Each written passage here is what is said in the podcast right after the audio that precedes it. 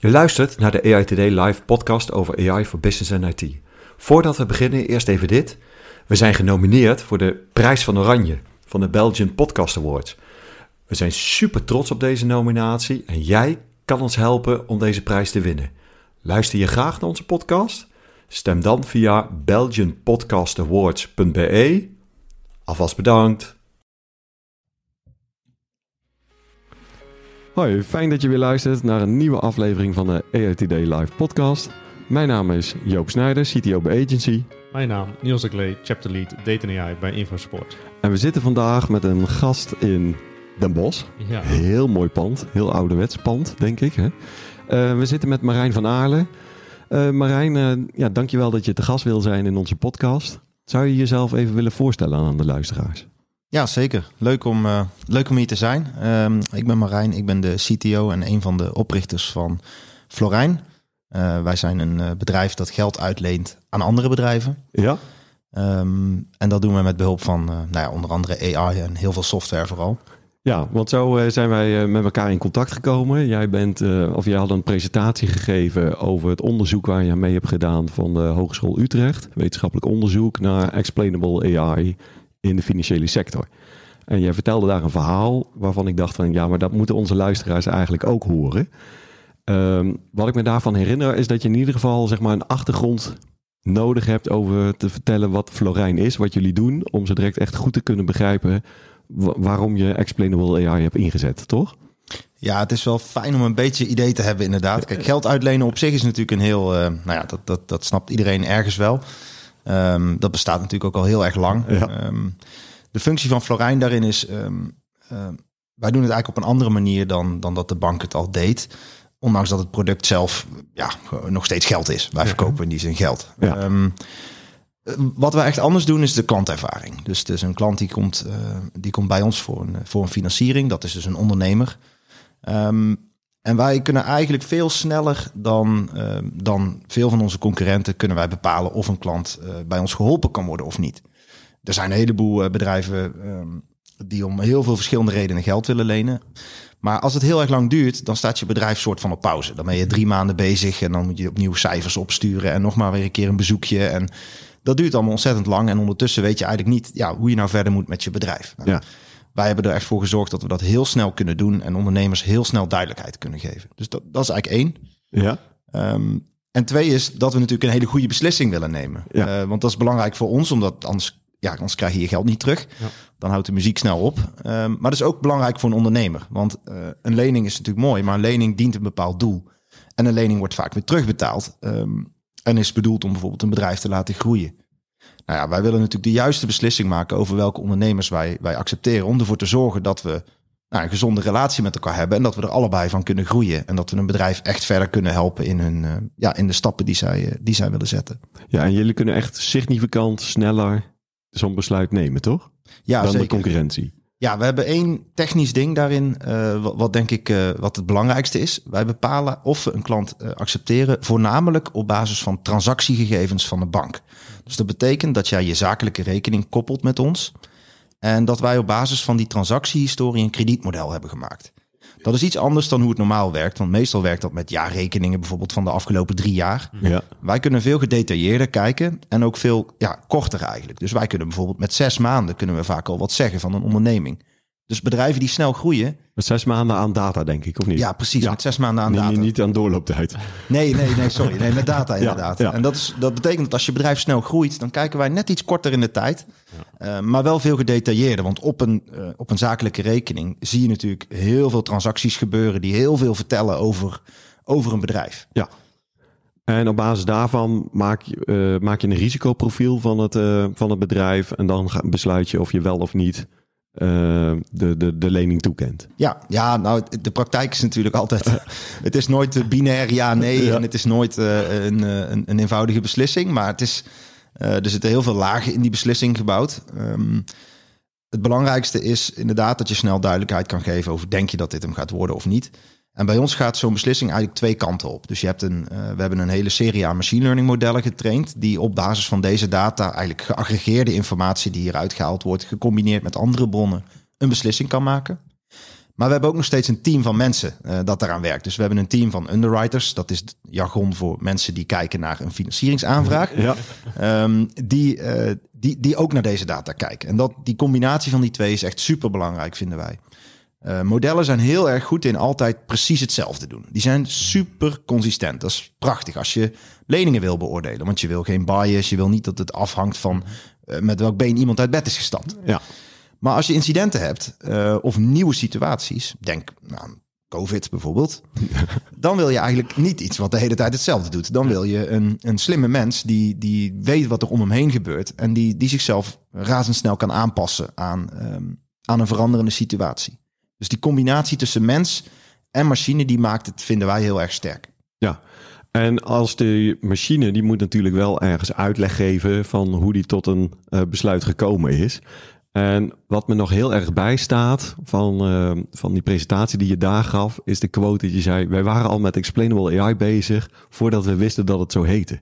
Ja, ja dat klopt. Um, door die setup die we eigenlijk hebben, um, ja, er zijn allerlei redenen voor. Maar de, de belangrijkste reden is wat ik eigenlijk net vertelde: die combinatie van mens en machine. Um, geld uitlenen, nou, dat gaat vaak om veel geld. Uh, dus bijvoorbeeld, wij lenen 100.000 euro of wij lenen tot 3 miljoen euro eigenlijk uit per bedrijf. Ja. Dat is fors. Ja, dat is niet zoiets als spamdetectie, waarbij je dan even aan de klant kan vragen: Goh, was het allemaal oké okay wat we hebben gedaan? Ja, dan is het geld weg. Ja. Uh, dus als je dit als puur machine learning experiment gaat doen, nou, dan gaat het heel snel fout. Dus wij, wij zijn begonnen met kennis van experts. En langzaam hebben we die steeds meer omgezet in een geautomatiseerd systeem en in een model. Um, en daarom moeten we vanaf het begin al kalibreren met die experts wat het model eigenlijk doet. We kunnen niet wegkomen met een black box. Nee. Uh, vanaf, vanaf dag één eigenlijk al niet. Dus in onze cultuur zit heel erg dat de mens, de underwriters met hun kennis eigenlijk de baas zijn over welke parameters zitten er in het model. En uh, ja, en, en zijn we het daarmee eens. Ja. De vraag die bij mij opkomt is die underwriters, hoe erg technisch savvy zijn die? Kennen die, kennen die machine learning, mm. weten ze hoe ze dat moeten toepassen? Uh, die zijn in de basis niet technisch. Dat zijn juist financieel experts vaak. Ja. Nou is het wel zo dat als je hier werkt, dan, dan is dat vaak wel uit een bepaalde interesse voor het nieuwe maken van processen. Uh, dus die zijn vaak wel.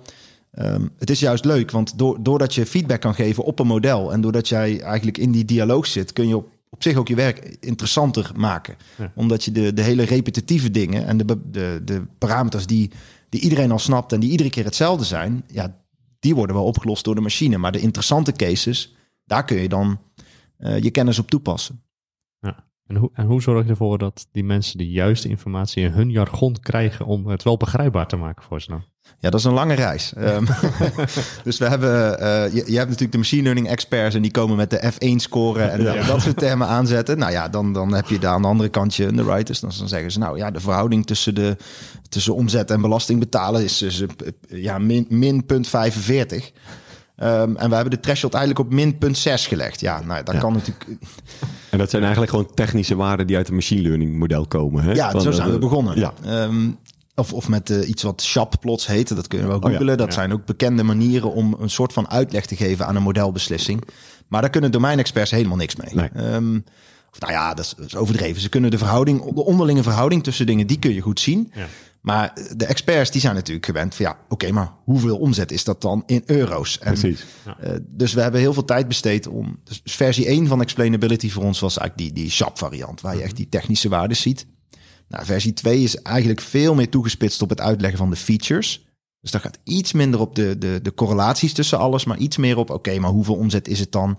En een trend, ja, daar wil je ook een grafiekje van zien. En je nou ja, heel erg visueel en uitlegbaar maken eigenlijk wat, wat de inputwaardes zijn die ten grondslag liggen aan de beslissing. Ja. En we hebben ook nog versie 3. Ja. uh, daar zijn we nu heel druk mee. En dat is, ja, dat, dat is uh, afgelopen maanden eigenlijk live gegaan. En dat is um, dat er ook feedback wordt gevraagd op iedere beslissing aan die mens op specifieke features. Dus uh, we hebben al heel lang dat de mens het oneens kan zijn met de machine. Ja. dat was een van de eerste processen die we natuurlijk hebben moeten inbouwen. Um, maar we hebben nu ook dat de mens het oneens kan zijn op een bepaalde uh, variabele of op een bepaald detail. Dus oké, okay, je bent het niet eens met deze beslissing, maar waarom dan? Ja.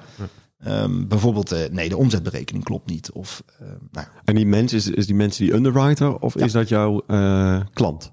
Nee, dat is de underwriter. Dat is ook wel een goede. Wat we, de klant is ook weer een hele andere dimensie. Maar inderdaad, dit gaat over de, de interne dialoog tussen onze underwriters en onze machine learning experts Ja, die het precies. model bouwen. En als zij het dan, eh, want, want dan komen we straks op die klant uit, want daar ben ik ook nog wel heel erg benieuwd naar. Eh, als die underwriter dan zegt, ja, maar met, met dit element, wat dit aspect van de uitleg ben ik het niet mee eens. Wat gebeurt er dan? Eh, in de basis wordt die feedback wordt, in ieder geval opgeslagen. Ja. Ehm, zodat we die in groepjes kunnen behandelen, die feedback. Kijk, we gaan natuurlijk, ja, we, we beoordelen heel veel aanvragen. Dus je kunt niet bij iedere ehm, een mismatch meteen daar opduiken met Nee. z'n allen. Dat deden we in het begin wel. Oh, maar, ehm, de mens heeft in principe dan gelijk. Dus wat er sowieso gebeurt is dat de menselijke beslissing de overhand heeft. De mens Mooi. gaat op dat moment beslissen wat er moet gebeuren met die post Ja, kan ook voor onze use case. Omdat eh, een lening is best wel een, ja, dus een stevig product als het ware. Dat is ook niet iets waar je er eh, een miljoen per dag van of een miljoen per maand van gaat verkopen. Die volumes die zijn te overzien. En het is zo'n belangrijke beslissing dat het het ook wel waard is om daar een mens goed, te naar, goed ook naar te laten kijken. ja. Met name de goedkeuringen. Ehm, zowel goedkeuring als afwijzingen kunnen we volledig automatisch doen. ja. Eh, maar eigenlijk in de meeste gevallen vinden we het wel fijn als er ook nog even een mens naar kijkt. ja, zeker. Ehm, de belangrijkste automatische factor is de, ehm, is de af, de belangrijkste categorie, sorry, is de, de afwijzingen. Die zijn natuurlijk het makkelijkst om te automatiseren, want daar heb je er het meest van. Ja, En daar is ook de impact als het misgaat, is kleiner dan als je eh, natuurlijk een goedkeuring hebt waarbij het misgaat. ja. qua risico. Ja. Qua Ja, bedrijfsrisico. Als Ja. bedrijfsrisico voor Ja. de ondernemer is het natuurlijk nog steeds een grote impact. eh, Maar de klantkant gingen we zo. eh, Ja, nee, absoluut. absoluut. Ja. Ehm, En in die ontwikkeling van eh, wat je zegt, versie 1, eh, 1 2, 3, eh, hebben daar eh, de, de feedback van jouw klanten daar ook nog een rol in gespeeld? Zeker. Ja, dat is ook eigenlijk een van de. Ja, dat is de andere reden dat we met, vroeg met Explainable AI zijn begonnen. Ehm, ons allereerste proof of concept van het afwijzingsmodel, die, die hebben we, nou, ik denk dat het inmiddels wel drie jaar geleden is of zo, dat we die eh, live gingen zetten of dat we daarmee aan het experimenteren waren. En toen zagen we eigenlijk, ehm, de eerste naïeve variant was, eh, nou oké, iemand wordt afgewezen. Daar komt een, in eerste instantie kwam daar nog niet eens een reden uit, maar een threshold van een score met een betrouwbaarheid en een benchmark erop. Ehm, als je dat naar je klanten gaat sturen, dan krijg je meteen vragen. Ja. Dus, en, en terecht ook. Ehm, dus we hadden een variant die, ehm, nou, die gewoon vrijwel direct een mail stuurde. Maar dan kregen mensen dus op zondagavond om 11 uur een mail. Ja. Twee seconden nadat ze zich hadden aangemeld. Dat is natuurlijk niet goed. En wat vooral eigenlijk daaruit kwam, en dat was een experiment. Dus dat was op zich niet hoe we het echt eh, op al onze klanten hebben gedraaid. Maar wat je dan ziet is dat je ten eerste veel weerstand krijgt erop. En ten tweede de superlogische vraag, waarom? Ja. Ehm, dus ja, wij moesten daar uitleg aan geven aan die klant. Ten eerste, dat ben je, eh, nou, vind ik moreel verplicht. Absoluut. Maar volgens mij ben je het ook juridisch verplicht om uit te leggen aan een klant. Als er geautomatiseerde beslissing over iemand genomen wordt die veel impact heeft, dan ben je verplicht om als een klant daarom vraagt uit te leggen hoe die beslissing tot stand heeft kunnen komen. Ja. Eh, en dan hebben we onze interne mensen nog die ook willen weten waarom dat is gebeurd. Dus ja, we moesten eigenlijk wel uit gaan leggen aan mensen waarom een bepaalde beslissing genomen was. En wat was daarin je eerste stap die je bent gaan doen? Want ik kan me best wel voorstellen dat dat schrikken is. Dat je dit soort feedback krijgt. Ja, we hadden hem wel. Het was natuurlijk een klein experiment waarin we wel eigenlijk wel hadden verwacht dat het zou gaan gebeuren. Maar we proberen heel snel te ontwikkelen. Dus we proberen heel snel in kleine releases, kleine stapjes dingen te maken. En ja, dan horen dit soort dingen daar soms bij. Zolang je ze maar heel klein en geïsoleerd houdt, kan Ja. dat. Ehm, onze, ehm, eh, onze eerste stap, die, ja, die is eigenlijk best wel voor de hand liggend. Maar dat is wel vaker. AI is, is super complex. Maar als je gewoon mee aan de gang gaat, dan ben je gedwongen om dingen simpel te houden. Precies. Ehm, dus dat is gewoon kijken naar de allergrootste features die je hebt. De, de features met de meeste impact. En die gewoon als eerste te isoleren en daar een menselijk verhaal van te maken. Dus je ziet gewoon dat een bepaalde feature, bijvoorbeeld de omzet dat het bedrijf maakt. Kijk, eh, dat, dat snapt eigenlijk iedereen dat als een bedrijf 3 miljoen euro wil lenen en het maakt 5000 euro omzet per maand. Dan is dat waarschijnlijk, nou ja, goed. Er zijn allerlei situaties te bedenken waarin dat wel kan. Ja. Eh, er zijn andere bepaalde type financieringen. Maar dat is natuurlijk een sterke indicator dat het misschien niet zo'n goed idee is. Ja. Want waarom moet hij dat dan nooit terugbetalen? En dat is voor de ontvanger van de uitleg is dat ook duidelijk. Toch? Ja, dat, ja, als je, dat is als je zegt van, eh, nou ja, dit, dit is het geval. Ja, Ja. en dat, zijn, dat wisten we omdat onze, we hebben natuurlijk een hele bak aan menselijke beslissingen waar we op kunnen trainen. Dus ons model is gebouwd in de basis. We hebben nu meerdere modellen naast elkaar draaien, maar zeker in het begin hebben we een model gebouwd op mensen. Ja. Ehm, omdat we simpelweg niet genoeg bedrijven hadden die in de problemen zijn gekomen om een model op te trainen. Oh ja, dat is ook nog een goede, ja. Dus ja, je moet wel, je moet wel eh, eh, eh, zeg maar even, ja, niet altijd faillissementen, maar je moet wel probleemgevallen hebben om, op, om een model op te kunnen trainen. En die hadden we heel weinig en daar waren we ook heel blij mee. Ja. Daar zijn we nog steeds heel blij mee. Ehm, dus die menselijke beslissingen zijn daarin heel belangrijk. En daar, daarvan wisten we ook wat onze experts de, de belangrijkste features vinden. Nou, die kun je modelleren, daar kun je je model op draaien. En vervolgens kun je ook simuleren wat er zou gebeuren. ehm, en hoeveel van die klanten dan op die redenen worden afgewezen. Ja, Nou, daar kun je een menselijke tekst van maken. ehm, en die kun je dan eh, op de mail zetten. ja, cool. Ja, want we hebben net eh, namelijk een, eh, zelf een podcast opgenomen. Eh, Explainable AI is echt een van mijn passies. Weet je, ik, ik geloof helemaal ook wat jij zegt. Hè, van, als, als er namelijk die uitleg niet komt en niemand begrijpt het niet. Weet je, dan heb je er ook niet zo heel veel aan. Daarom is dit ook juist zo'n interessante case.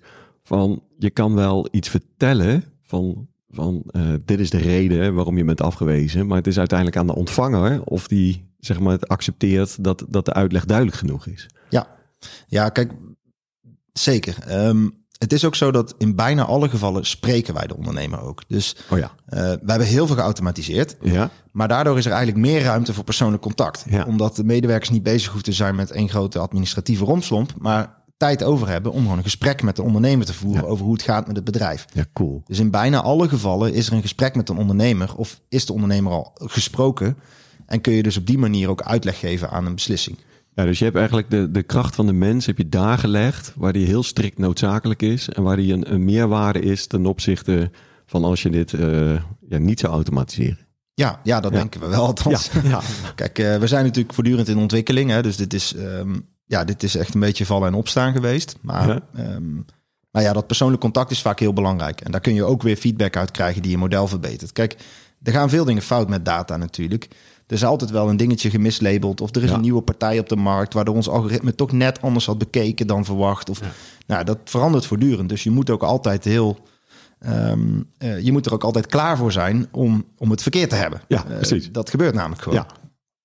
Hey, en eh, je had het over Shep. Hè? Shep geeft een, eh, een grafiek aan met, met, met verhoudingen ten opzichte van, eh, van features. Hebben jullie die grafieken ook aan klanten laten zien? Nee, nee. Oké, Nee, gelukkig. nee, dat hebben we niet gedaan. Ja. Ehm, nee, ik denk niet dat dat goed zou gaan. Nee, toch? Ehm, nee, we, we, we geven er echt de voorkeur aan om het of textueel of telefonisch toe te lichten aan een klant. Ja, Eh, ook omdat je dan, ehm, nou ja, gewoon omdat je ook de, de diepere lagen als het ware dan kan uitleggen die nog niet altijd uit zo'n shop komt. ja. Ja, daarnaast die shops die zijn super technisch. Dat is ehm, alle waarden zijn op dezelfde schaal gezet, zodat je ze mooi onderling kunt eh, vergelijken. Maar ja, daardoor gaat de betekenis voor mensen totaal verloren. absoluut. Ehm, en daar kan een ondernemer, denk ik, ja, daar kunnen onze interne mensen al niet zoveel mee. Laat staan eh, een ondernemer. Nee, je, je moet echt wel eh, een data scientist zijn, wil je uiteindelijk die Shep grafieken kunnen snappen. Ja, en we hebben dus mensen die de, de features al begrijpen. Ja. Maar ook die mensen die, ja, die kunnen eigenlijk niet zoveel met zo'n shopplot. Die kunnen, nee, dat, dat, eh, dat Ja, werkt niet. Dat is lastig, Nee. Ja, hè? je, je triggerde mij nog met eh, de vraag van, eh, dan is het met name telefonisch eh, of via tekst. Ehm, wie zorgt ervoor dat die teksten dan geschreven worden? Eh, dat doen we in samenwerking met onze salesafdeling. Dus dat zijn de mensen die gewoon onze klanten dagelijks aan de telefoon hebben. Dus we, we hebben geen geavanceerde chat-GPT-algoritmes die mooie stukken tekst genereren. Eh, dat is natuurlijk al. Er zijn al heel veel stagiairs hiermee gekomen van, hey, kunnen we niet? Nee. Ehm, ja, dat zou super cool zijn, maar dat is natuurlijk helemaal niet nodig, want de, de redenen eh, die zijn, ja, de, de, het gros van de redenen is, daar hebben we gewoon stukken tekst voor liggen waarvan we weten dat mensen ze snappen. Ehm, die gewoon gevet zijn door, door mensen Ja. en door ervaring. Ehm, en al die edge cases, ja, daar zul je toch echt zelf iets voor moeten typen. En dat is ook de moeite waard, vinden wij. Zeker. En ik denk ook, dan heb je ook altijd de mogelijkheid om door te kunnen vragen en daarop in te gaan en te kijken, wat past deze uitleg bij deze type ondernemer? Ja. Dat dat ook heel waardevol is. eh. Ja, en wij wil, ja, het is toch wel. We, we zijn ook best wel trots bijvoorbeeld op onze Google Review scores. Die, eh, nou ja, de webshops en restaurants die zijn daar heel goed in. Eh, Ja. wij, wij ook. Ehm, eh, omdat de financiële instellingen vaak best wel. ja, er zitten wel negatieve associaties mee. En ja, wij moeten nog steeds de overgrote meerderheid. Ja, teleurstellen. Omdat er. Nou ja, gewoon, er zijn heel veel behoeftes in de markt. En wij kunnen ze nou eenmaal niet allemaal invullen. Ja. Ehm, en wij willen altijd verantwoord financieren. Dus wij, ja, wij willen zeker weten dat het geld terugkomt. Ja. Ehm, wij zijn daarin, denk ik, wij nemen meer risico, denk ik, dan een aantal andere partijen. Ook door de manier waarop we werken, doordat we meer data hebben, nauwkeuriger kunnen kijken. Maar je wil wel dat die mensen ook met een, met een relatief prettig gevoel de samenwerking uh, verlaten. Misschien zodat ze in de toekomst weer terug kunnen komen. Maar ook zodat iedereen toch een, uh, ja, een, een gevoel heeft van, nou oké, weet je, het is hem niet geworden, maar ze zijn in ieder geval snel Ja. met de terugkoppeling en ze zijn duidelijk over wat er aan de hand is. En, uh, En met die duidelijkheid kan je natuurlijk eventueel aan de slag als jij een bepaalde onderneming runt. Dat je denkt van, oh ja, maar dan weet ik eigenlijk waar ik naartoe moet groeien. Of wat ik, waar ik het risico moest, moet verkleinen om misschien zo direct wel Ja. die aanvraag er doorheen te krijgen. Ja, dat gebeurt vaak. Wij zien, uh, wij zien vaak ondernemers terugkomen op een later tijdstip, omdat we ook kunnen aangeven van, nou ja, als die omzet op dit niveau is of als er dat aan de hand is, dan, dan kunnen we je wel helpen. Ja. Nou, ik denk een heel mooi duidelijk verhaal over het, in ieder geval het belang hè, van de uitlegbaarheid en, en dat groeien. Dat je zegt van, uh, kijk, we zijn gewoon ergens begonnen. En vanuit de praktijk zijn we gaan leren van wat is er nodig, wie heeft wat nodig. Je hebt duidelijk, denk ik, verschillende belanghebbenden en daar de dingen op afgestemd. Uh. Ja, ja, en de mens eigenlijk als circuit breaker daarin bouwen. Ja, dat. Um, dat, ja. Is, dat is denk ik wat je in staat stelt om ook te kunnen experimenteren. Want ja, je kunt een model beslissingen laten maken. Die beslissing hou je voor jezelf.